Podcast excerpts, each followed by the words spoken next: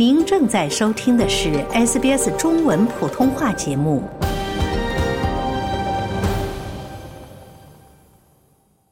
从法律角度看待社会现象，以专家意见指点生活迷津。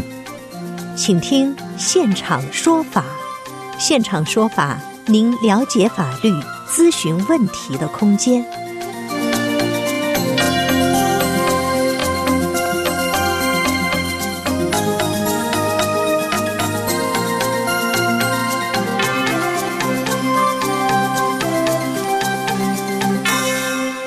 听众朋友您好，欢迎您继续收听 SBS 广播中文普通话节目为您带来的现场说法听众热线节目。昆士兰州警方于三月一号起正式展开代号为 “Victor Unison” 的灭罪行动，在多个青少年犯罪热点地区，包括公共场所和住宅区，增派警力巡逻，以维持社区安全。在今天的现场说法听众热线节目中，奥和绿业管理合伙人林慧梅律师将和您聊一聊青少年犯罪的话题。欢迎听众朋友拨打热线电话一三零零七九九三二三一三零零七九九三二三参与节目咨询法律问题。首先来连线本期节目嘉宾林律师，您早。早好，俊杰，听众朋友们好。非常谢谢林律师做客我们的节目哈。林律师，我们在尤其是去年年底到今年年初之间哈，看到有不仅是昆州了。在全国多地呢有这个青少年犯罪的新闻报道哈，您能给我们简要的介绍一下昆州在最近一段时间以来的发生的一些犯罪事件吗？哎，好的，没问题。呃，我们以时间顺序先讲离现在最近的，大概半个多月前的一起案件，在黄金海岸。非常知名的旅行城市，它的有周有一家呢亚洲超市，然后几位呢澳洲青少年呢就被就去行窃，行窃的时候呢就被发现了，发现之后呢就对这个超市员工啊进行了猛烈的攻击，并且呢在现场呢还去捧砸货物，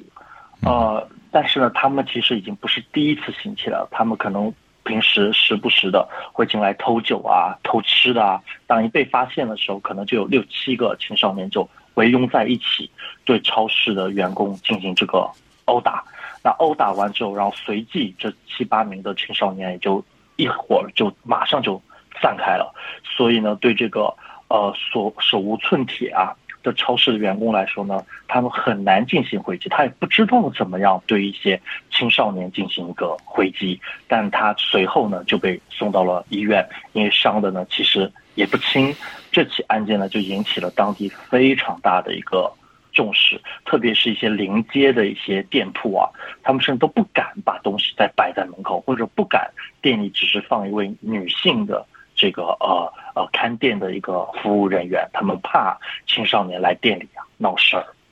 嗯，说的这个非法的青少年哈，这挺猖狂的，听起来。对，是的，而且一团一帮一起来，有时候就算一个成年男子啊，有两位成年男子，可能都招架不住。那是，尤其是这个年轻人不知深浅啊，往往是哈。是的，然后这个呢是一个盗窃案和普通袭击案。我们听起来呢，可能说哦，这孩子调皮，哎，还能忍。但是下再一个案件呢，发生在二二年的十二月，这个案件就改变了这个整个昆士兰州的州长对于青少年犯罪的态度。这个案子呢是青少年入室杀人案。那在这个十二月二十六 Spoken Day 这一天呢，这个四十一岁的这个 Emma 跟她的丈夫呢就在家里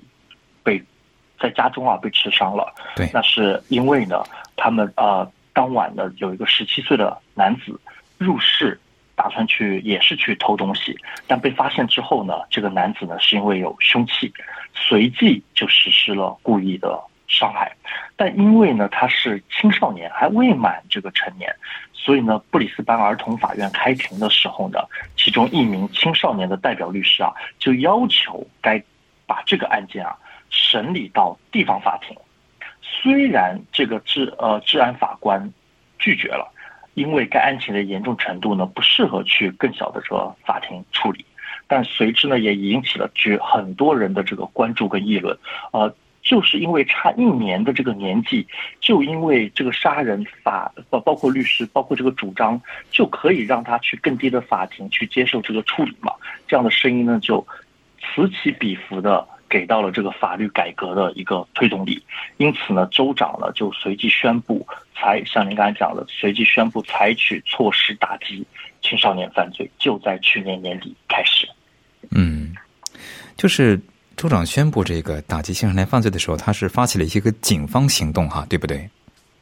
哎，是的。那么在警方的随后呢，也发起了，特别是在今年三月，随后呢也发起了一系列的能见度非常高的行为，呃，比如说在多个青少年犯罪热点啊，包括公共场所、住宅区啊，加派巡逻啊，呃，跟这个呃青少年多接触啊。来确保这些青少年啊，呃，能更加规范自己的这个行为。那么，在这样一个行动，呃，进行了约两万三千次警务行动当中，他们就成功逮捕、拘捕了这个两千八百多人，并发出了多达六千五百项的指控。也就是说，在昆士兰州对于青少年犯罪这个事情，在去年的十二月开始到现在，可以看到了非常显著的一个。呃，成效，那很多的商铺呢也更愿意这个更胆去更高更胆的去与青少年去沟通，他们害怕青少年会做出一些不理智的一些行为了。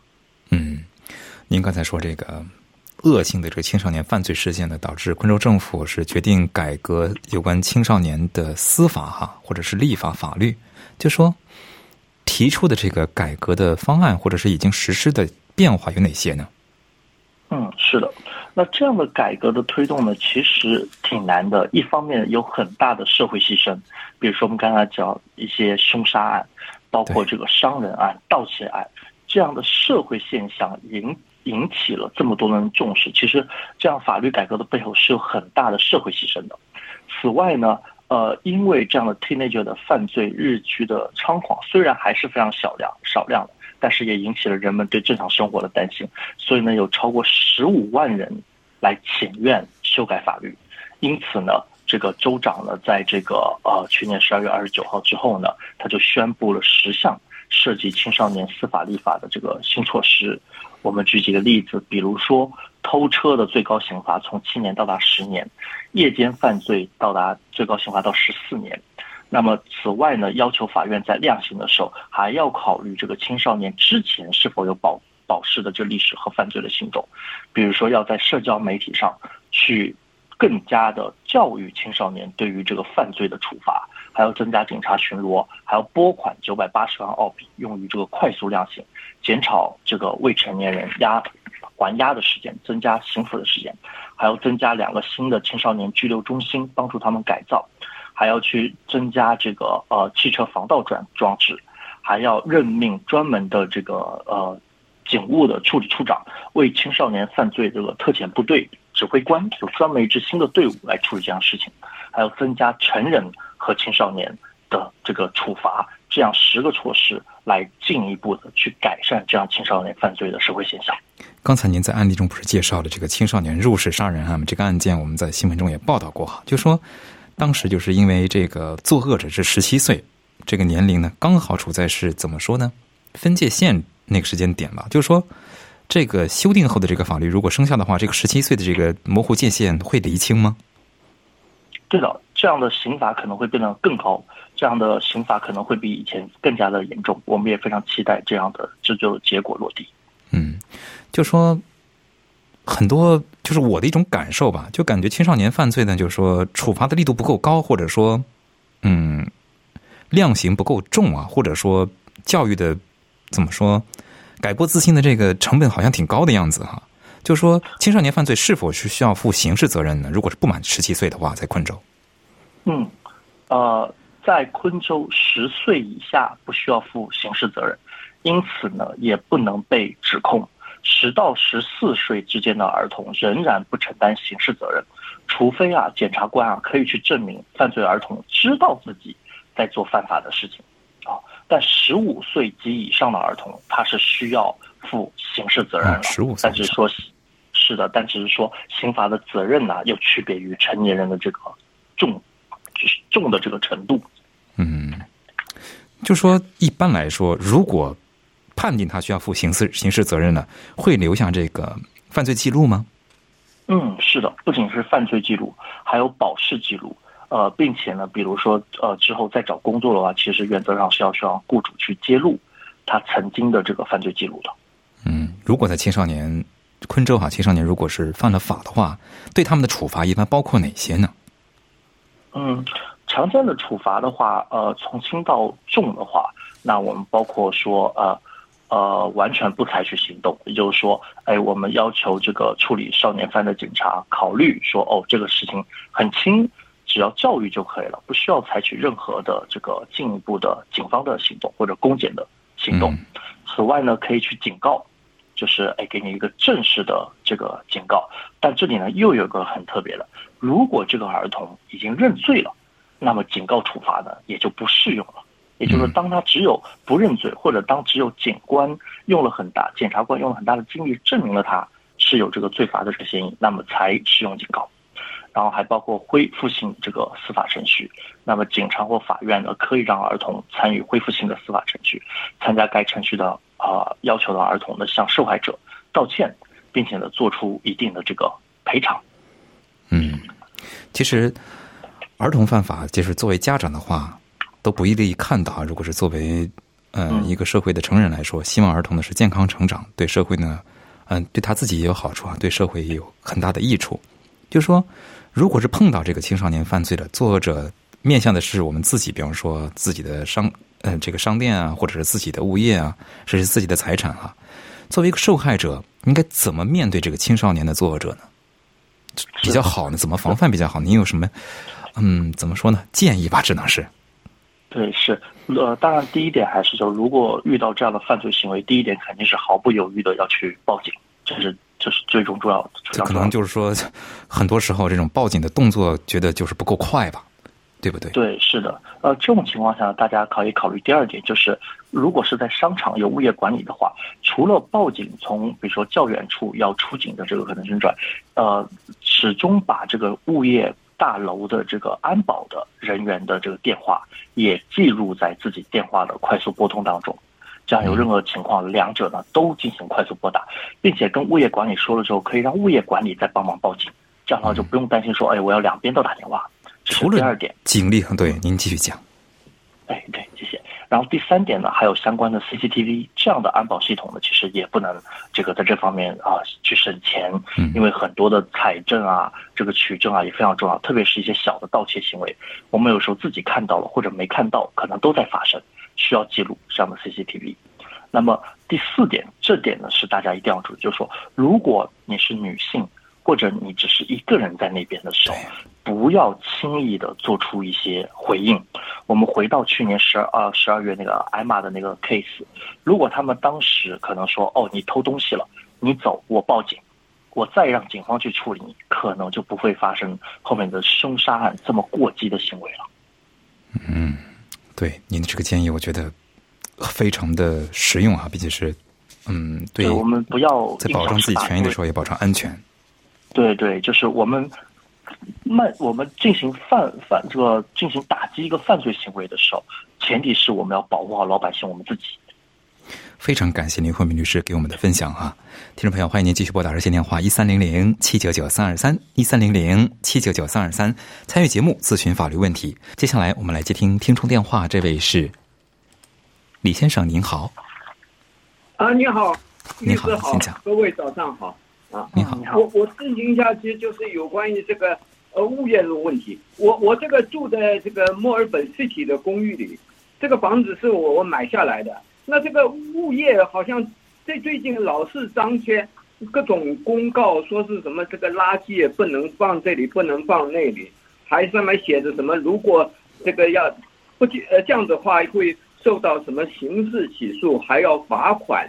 他这个好像觉得给给人感到很不舒服，看到这些东西。那这个就是我在想，他们做这些行为是否有经过这个跟物业委员会商讨才做出这样的决定？因为之前我在上海，他这个物业任何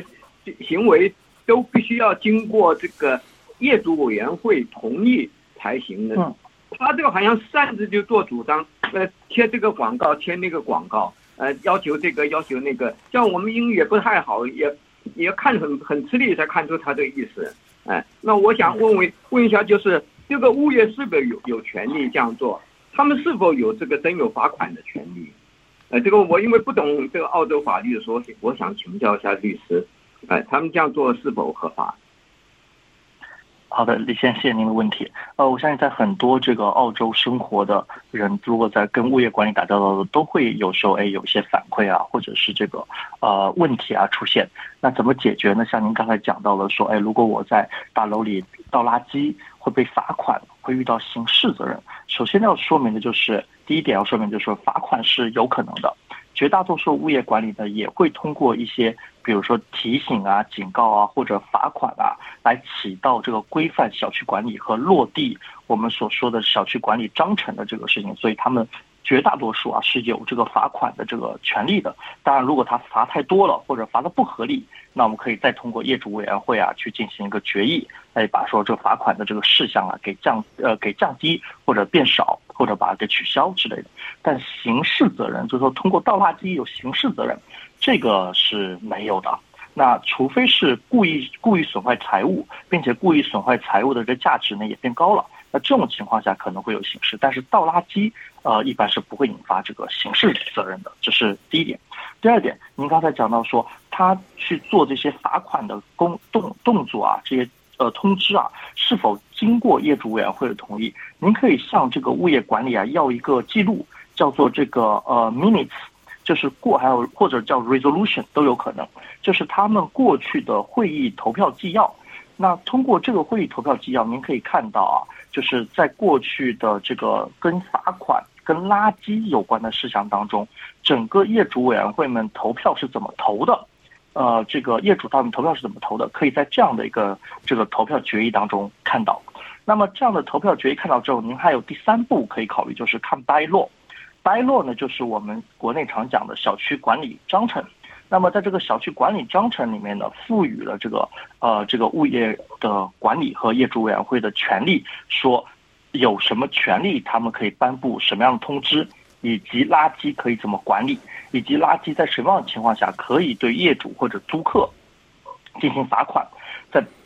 掰落这样的章程里面会有一定的这个描述，所以以上三点您可以依次考量，对这个事情呢进行进一步的这个调查和了解。嗯，好啊，谢谢，谢谢谢律师，我还一下，就是这个他这个物业。呃，管理他这个物业管理，他不是法律机构，他他有有这个罚款的权利吗？因为中国好像这个不是，呃，这个法律机构不能随便乱罚款的，就像单位的，对我理不可能对职工罚款。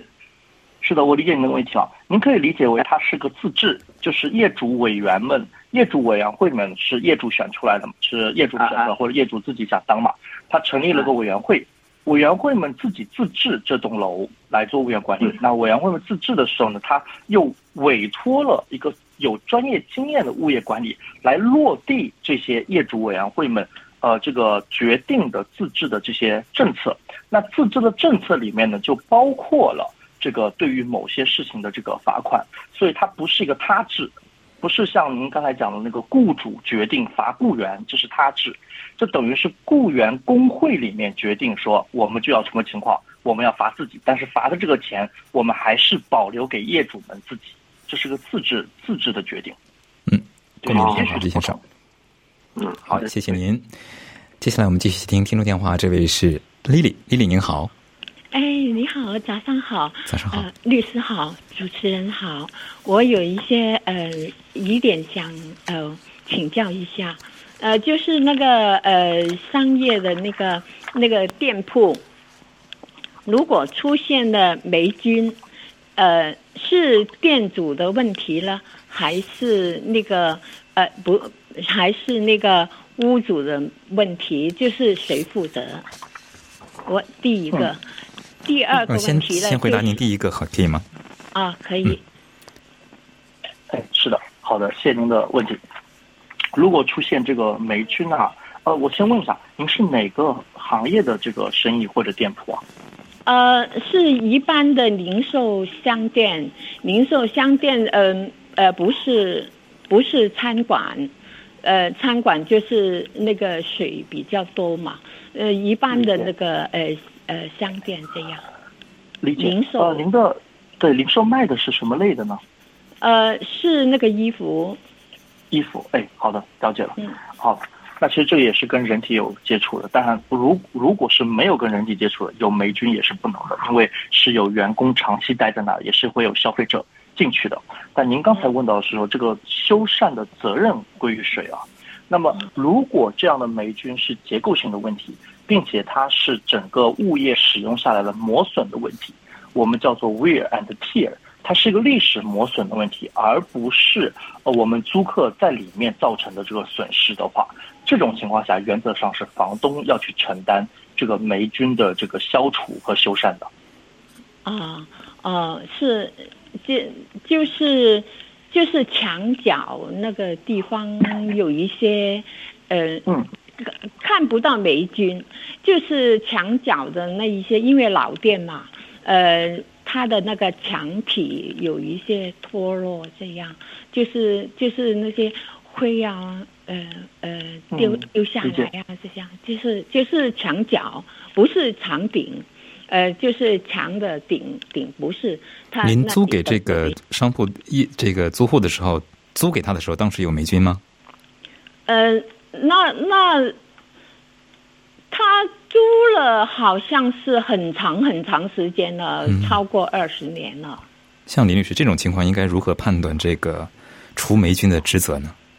嗯，是，就是无论是墙角还是这个墙底啊，那只要能证明有霉菌，通过推脱落这样的现象能证明它有霉菌，有拿到相关的霉菌的这个检测报告的话，一结构性的问题，二历史磨损的问题 （wear and tear），三不是租客自己造成的这个损害的这个问题，这三种情况呃除外的都是房东要去处理的。结构的啊、历史损耗的啊、不是租客造成的啊，这种都是要房东去处理这样的霉菌的问题的。嗯，供您参考。啊，好好，谢谢。那个清除的费用，那就应该是那个呃呃房东出了，是不是啊？对的，是的，那也很重要，您要把那份租约再回去看一看啊。租约如果里面它有明确写说租客来承担霉菌，那就那就有可能说双方在签字的时候就认可了这样的约定了。但一般的租约里面不会专门这么写，所以您注意一下租约里面有没有这样的特殊条款。好嘞，谢谢丽丽，供您参考。那么，听众朋友，欢迎您继续拨打热线电话一三零零七九九三二三来参与节目，咨询法律问题。接下来我们继续接听听众电话，这位是严女士，严女士您好，呃，我想请问，呃，你好，您好，那律师好，我想请问一下，如果没有遗没有遗嘱，呃，另外去世了，可以遗产小孩子百分之百可以拿到吗？谁可以拿到谢？谢您的问题。哎，对，您的意思是另外一半指的就是是配偶的意思吗？呃，不是，我我我我先生已经过世了，过世了就是我就是我另我我万一万一就是万一过世了，我没有遗嘱，我的孩子可以百分之百拿到我的遗嘱哦，吗孩？子。嗯，哎，好的，谢谢您的问题啊。在没有遗嘱的情况下啊，就嗯依赖着这个继承的这个顺序，法定继承的顺序。法定继承的顺序呢有以下几点，您您您听一下。第一点，如果有配偶没有子女的，所有的遗产归配偶，这第一个情况。第二情况，有配偶和有子女的，那么呃，所有这个配偶跟子配偶跟子女，他都可以去参与这样的这个分配。那如果没有配偶有子女的，子女可以获得全部的遗产。啊，没有遗嘱，没有遗嘱的这个嗯下也可以拿到百分之百的遗产是吗？对，这是子女，他是第一继承的顺位人，他第一顺序的。啊，如啊哦对，没有配偶有子女，子女可以获得全部的遗产。但再再继续一个情况，没有配偶也没有子女的话，那那逝者的父母会获得全部的遗产。你会发现，他除了配偶之外，都是直系亲属在继承。啊。哦，我因为我法律这个我我不懂了，有的因为我们新移民了，就就是不知道怎么样那个呃法律对，但我建议哦，就是虽然法定顺法定继承顺序是这样，但是呢，每个家庭的情况还会变化。建议您呢，最好还是有一个遗嘱的安排，就是针对您自己的情况，有个定制化的这个遗嘱规划。啊，这样子。嗯，有解答你您问题你能给我一个电话号码吗？啊，严女士不方便在节目中提供，您可以不挂他电话，然后我们的导向导播留一下您的电话号码，可以吗？啊，好的。好嘞，您请稍等。我的手机可以吗？啊，可以的，您跟我们导播说就行了，稍等。听众朋友，欢迎您继续收听 SBS 广播中文普通话节目为您带来的现场说法听众热线节目，拨打热线电话一三零零七九九三二三一三零零七九九三二三来参与节目咨询法律问题。像林律师刚才严律师问的这个问题啊，子女的话，如果是有多个子女的话，是平分的，对不对？嗯，是的。呃，嗯如果没有遗嘱的话，法定继承就不会按照比例说，呃，这个老大多分，老老二小分，或男孩多分，女孩少分，这样不会的。嗯，今天您花了比较大的篇幅给我们介绍这个青少年犯罪的问话题哈、您是刚才是以昆州为例，做了一些青少年犯罪可能受到了处罚的一个介绍。嗯，根据您的了解，如果是比方说在新州或者是维州的话，这个处罚的力度或者是处罚的方式会有所不同吗？嗯，是的，在这个其他的两个州呢，也会有些许的这个变化，但是呢，目前来说，在昆州啊，这个改革呢还是比较前置的，就是在进一步的，因为最近几个案例确实太引起社会的这个关注，所以呢，在这几个案例当中的这个昆州啊，采取的这个措施呢，可能更加严厉一点，在打击这方面的一些犯罪行为。当中，所以呢，但是呢，我们也相信，在不久的这个将来，呃，其他州呢，可能也会去，呃，根据本地的情况呢，也会考量，就是说要跟进这样的这个司法改革，给到青少年犯罪更多的这个教育，或者是呃规呃扶持，来帮助他们去更好的呃了解自己在做什么，这其实很很重要。不然的话，很多青少年他们是不知道自己在做一些犯罪行为的。一般情况下，受到别人侵犯呢，都会有一个自我防卫的一个自动反应哈。如果是比方说像这种案例中介绍的这个入室的非法入侵，甚至是抢劫财物这样的恶性行为，作为一个怎么说呢，防范方受到攻击的一方受害者，